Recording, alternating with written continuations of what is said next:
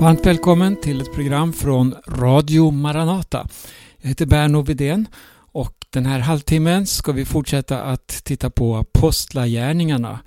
Vi har följt i flera program nu hur den urkristna församlingen föddes i Jerusalem genom att den heliga Ande blev utgjuten över församlingen precis som Jesus hade lovat. Som resultat ser vi hur den urkristna församlingen växte fram i Jerusalem, hur gemenskapen tog form, men också hur man blev kringspridda på grund av en svår förföljelse. Och Den som låg bakom den förföljelsen, det var Saulus, sedermera känd som Paulus. Han var en svår förföljare av församlingen. Vi ska fortsätta i det nionde kapitlet idag. Vi lyssnar först till en sång. Låt mig få höra om Jesus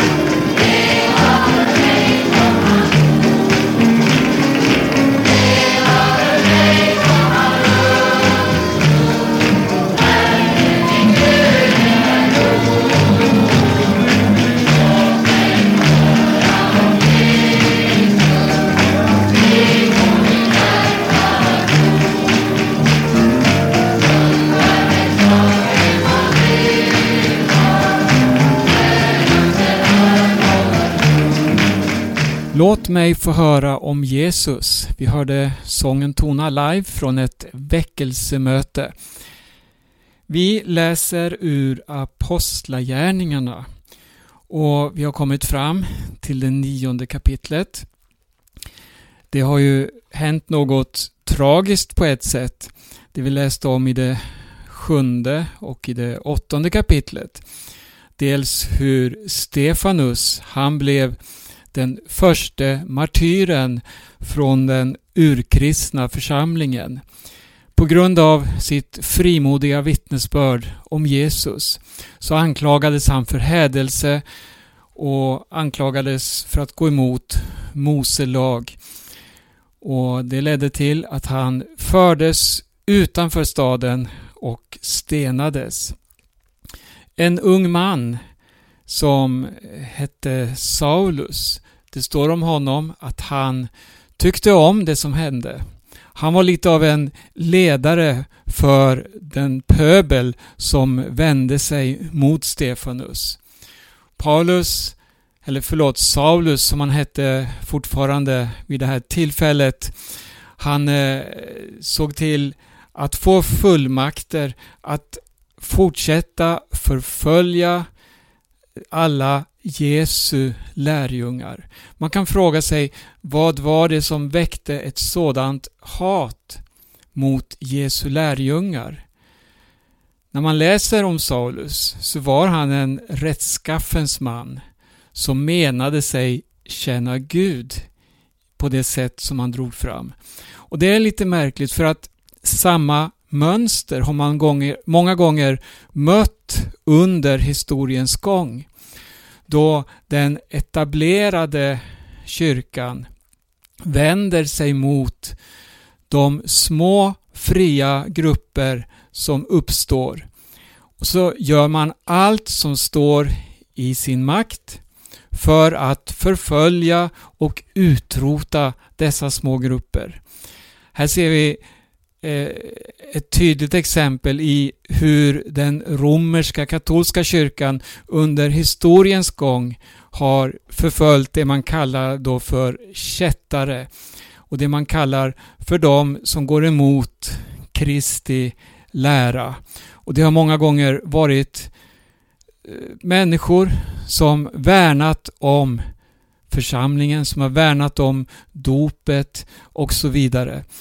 Man har till och med instiftat domstolar som haft till uppdrag att förfölja systematiskt dem som inte böjer sig under den romerska läran med statsmaktens hjälp.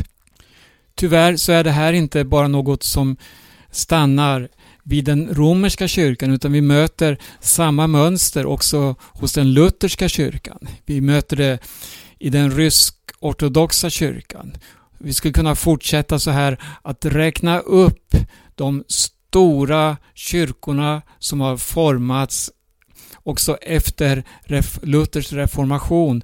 Hur man då man har kommit i maktställning använder sig av den makten för att dominera och styra människor och tvinga människor in under kyrkans hägn. Det här är främmande för Jesu evangelium. Det är främmande. Jesus han sa själv så här att för mitt namns skull ska ni bli förföljda. Det, det är tyvärr så det har blivit. Men vi ska återvända nu till eh, Saulus. Han eh, gjorde, som det står här i det nionde kapitlet, han andades hot och mordlust mot Herrens lärjungar. Och han gick till översteprästen och bad att få med sig brev till synagogorna i Damaskus. Om han kunde finna någon som tillhörde vägen. Vägen, alltså samtidens namn på den urkristna församlingens lära och liv. Man kallades för vägen. Det var helt tydligt att man erkände sig som främlingar och gäster här i tiden, för man tillhörde ett annat rike. Det rike som Jesus hade talat om och som Jesus hade representerat och levt för. Guds rike. Och på det sättet visar man att man är på väg till ett mål. Och eh, Saulus då, för att återgå till texten här, han ville finna dem som tillhörde vägen, män eller kvinnor, för att fängsla dem och föra dem till Jerusalem. Jag kan tänka mig att det var många syskon i församlingen som bad till Gud. Vi kan läsa om det i Apostlagärningarna. Hur man bad, man bad för människor och man bad eh, för den förföljelse som var rådande. Men man bad inte speciellt det här att låt oss slippa lidandet, låt oss slippa förföljelsen. Nej, man bad om mer frimodighet och det här är så gripande. Man bad om frimodighet att fortsätta förkunna evangelium under alla omständigheter. Här hade man nu en farlig fiende som många var rädd för. Helt förståeligt. Man blev ju utslitna från sina hem. Man eh, hamnade i fängelse och så vidare. Men här händer något som gör att hela församlingen i den här regionen den hade ju inte spridits så långt än, men här fanns man. Och det hände något som gör att det blir ytterligare en epok i församlingens historia. Vi läser här i vers 3 i Apostlagärningarna kapitel 9. Men när Paulus på sin resa närmade sig Damaskus strålade plötsligt ett ljus från himlen omkring honom. Han föll till marken och hörde en röst som sade till honom Saul, Saul, varför förföljer du mig? Då frågade han Vem är du, Herre? Rösten svarade Jag är Jesus, den du förföljer. Men res dig och gå in till staden så ska du få veta vad du måste göra. Männen som reste med honom, som stod där förstummade, de hörde ljudet men såg ingen.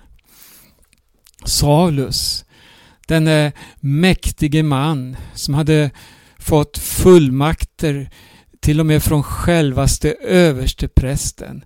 Denne skolade man som var så hängiven sin tjänst, sin gudstjänst, för att tjäna sitt folk, för att värna om traditionerna, om templet.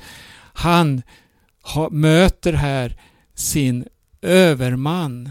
Han föll till marken och fick höra att han förföljde Jesus genom att förfölja hans lärjungar.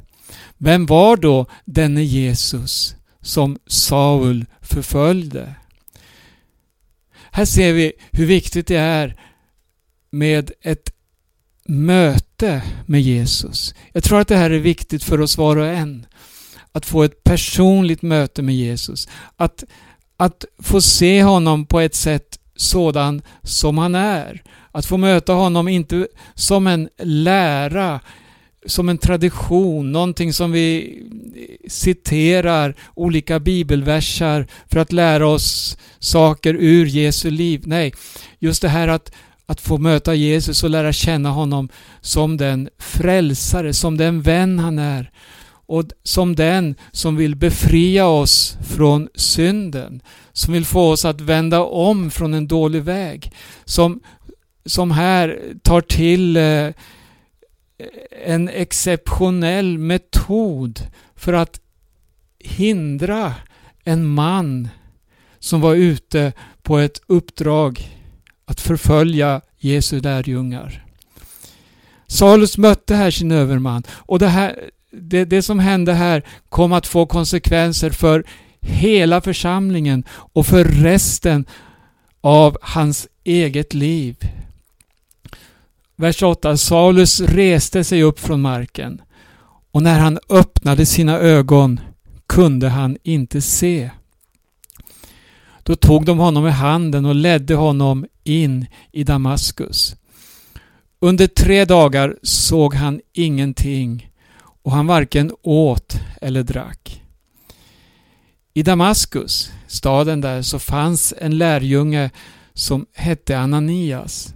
Till honom sade Herren i en syn Ananias. Han svarade Här är jag, Herre. Då sade Herren till honom Res dig och gå till Raka gatan och fråga i Judas hus efter en som heter Saulus från Tarsus. För han ber. I en syn har han sett hur en man som heter Ananias kommer in och lägger händerna på honom så att han kan se igen. Herren hade ett redskap i Damaskus som stod redo att nu då ta sig an denne nye broder som Jesus hade visat sig för. Som hade blivit överbevisad om att Jesus är frälsaren. Men först ser vi här Ananias han svarade Herre, jag har hört av många hur mycket ont den mannen har gjort mot dina heliga i Jerusalem. Vilken skräck det fanns för Saulus. 14. Och nu är han här med fullmakt från översteprästerna att gripa alla som åkallar ditt namn. Men Herren svarade honom så här. Gå! Här ser vi han som har makten, han som styr konungars hjärtan. Han, han sa direkt, gå! För han är mitt utvalda redskap för att bära fram mitt namn inför hedningar och kungar och Israels barn. Hör här, Salus som var den store förföljaren av Jesu lärjungar. Här säger Gud som ser längre. Gud som känner allas hjärtan. Gud som vet om varje människas inställning och ärlighet. Han säger så här att Saulus är hans utvalda redskap för att bära fram Jesu namn. Vilken nåd! Vilket stort under som här inträffar. Herren har ett redskap som han tar tag i, överbevisar och förvandlar från grunden så att han får bli den som ska bära fram evangelium inför hedningar och kungar och Israels barn. Och inte bara det, så här fortsätter Herren att säga till Ananias i vers 16. Och jag ska själv visa honom hur mycket han måste lida för mitt namns skull. Då gick Ananias och när han kom in i huset lade han händerna på honom och sade Saul, min broder, Herren Jesus som visade sig för dig på vägen hit har sänt mig för att du ska kunna se igen och bli uppfylld av den helige Ande.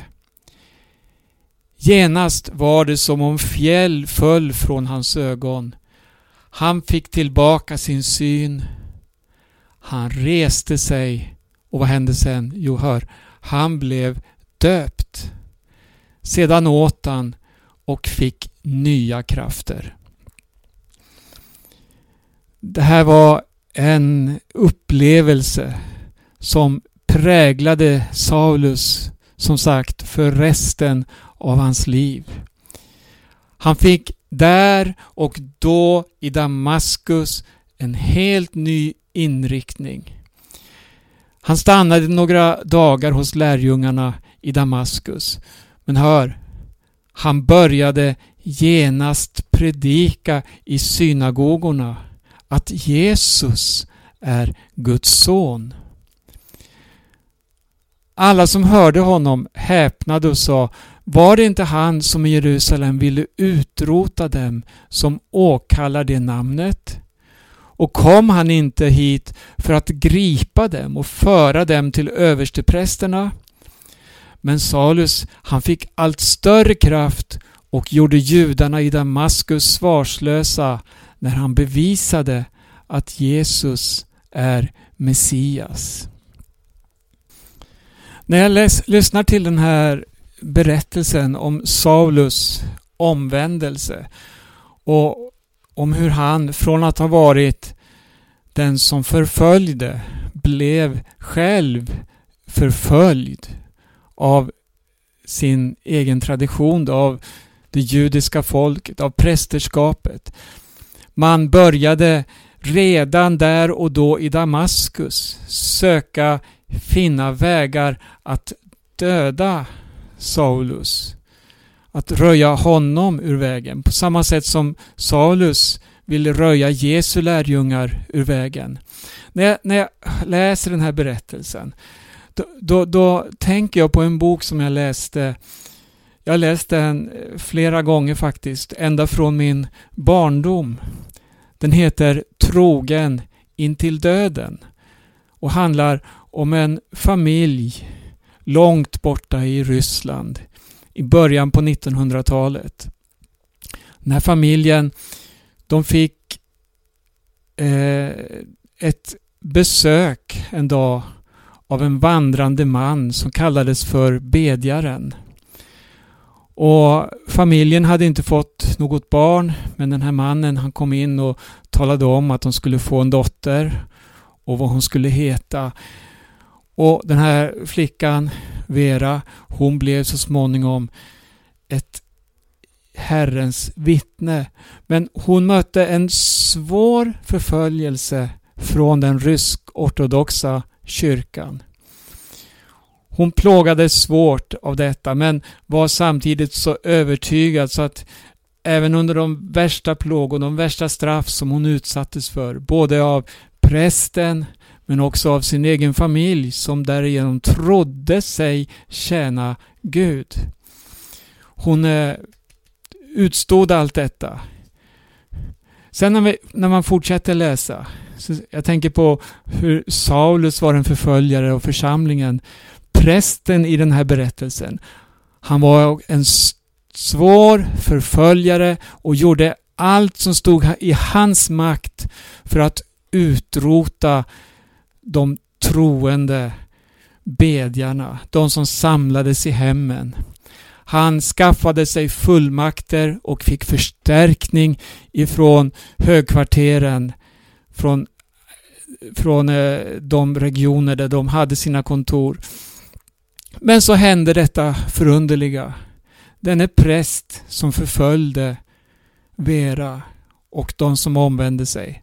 Han blev själv överbevisad om vem Jesus var. Och det här ledde till att han blev på samma sätt förföljd. Boken slutar med hur den här flickan Vera, hennes mamma, hennes pappa, prästen, prästens son och så vidare. De förs tillsammans bort i en deportering bort mot Sibirien under köld, under många svårigheter. Men det, det, som, det som är fokus i boken, det är just detta evangelium om Jesus ska spridas och det ska förkunnas för varje människa. Det är det som är frihet. Religionen, den trälbinder människan. Läs gärna den boken. Tyvärr har jag inte namnet på författaren här, men den heter Trogen intill döden. Vi återvänder till bibeltexten. Vi är i Apostlagärningarnas nionde kapitel. Salus, han befinner sig i Damaskus och det står så här i den 23 versen när Salus nu har börjat tala om Jesus som Messias. Efter en tid kom judarna överens om att röja honom ur vägen. Men Saulus fick reda på deras plan. Dag och natt höll de vakt vid portarna för att döda honom. Men en natt tog hans lärjungar och firade ner honom ut efter muren i en korg. Då tog han sig alltså från Damaskus. Sen kom han till Jerusalem och där försökte han ansluta sig till lärjungarna. Men Alla var rädda för honom eftersom de inte trodde att han var en lärjunge. Då möter vi en man, jag har nämnt om i tidigare program här. Då tog Barnabas hand om honom. Här ser vi en faders själ i församlingen som har omsorg, som tar sig an de som behöver hjälp. Barnabas, han är verkligen ett exempel på, på den trygghet som bör finnas i varje församling. En person som man förtroligt vet att man kan lita på, som man kan gå till, som tar sig an det svaga. Eh, vi har talat om det här i ett tidigare program, om hur Barnabas på olika sätt tog sig an olika människor. Men Barnabas tog nu hand om Paulus när han kom. Han förde honom till apostlarna och berättade för dem hur Saulus, jag sa Paulus här men han hette fortfarande Saulus, berättade för dem hur Saulus hade sett Herren på vägen, att Herren hade talat till honom och att, att han i Damaskus hade predikat frimodigt i Jesu namn. Sedan stannade Saulus hos dem och han gick in och ut i Jerusalem och predikade frimodigt i Herrens namn. Han talade och diskuterade med de grekisktalande judarna men de försökte röja honom ur vägen.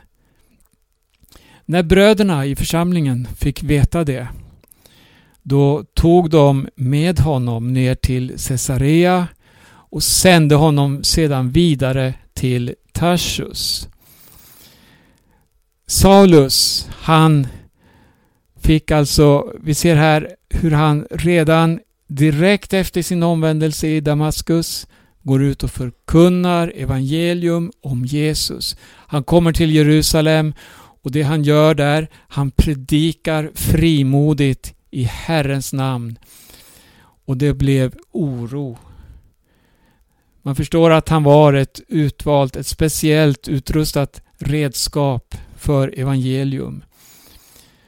När bröderna fick veta det, de tog med honom och sände honom till Tarsus, alltså den stad där Saulus kom ifrån ursprungligen. Sedan försvinner Saulus från texterna här ett tag. Han stannar i Tarsus under flera år. Och vad som hände honom där under den tiden, det finns inte så mycket att läsa om det. Men han förkovrades i ordet. Det förstår vi när vi sedan möter honom igen. Och vem är det då som söker upp honom? Jo, det är Barnabas som söker upp honom och får med honom in i församlingsarbetet i Antiochia. Men det blir ett senare program. Nu är vår tid slut för den här gången och du lyssnar till Radio Maranata. Vi sänder över Stockholm på 88 MHz och Örebro på 95,3 MHz. Våra sändningstider är varje morgon klockan 8, måndagar och onsdagar klockan 18. Vi har en hemsida som heter maranata.se. Där kan du läsa mer om församlingen och lyssna till filer, både möten, radioprogram, sånger och så vidare. Vi har också en tidning som heter Midnattsropet och den sänder vi till alla som vill ha den helt kostnadsfritt. Midnattsropet.se är hemsideadressen. Med det säger vi tack för oss för den här gången. Jag heter Berno Vedén och jag önskar er alla Guds rika välsignelse på återhörande.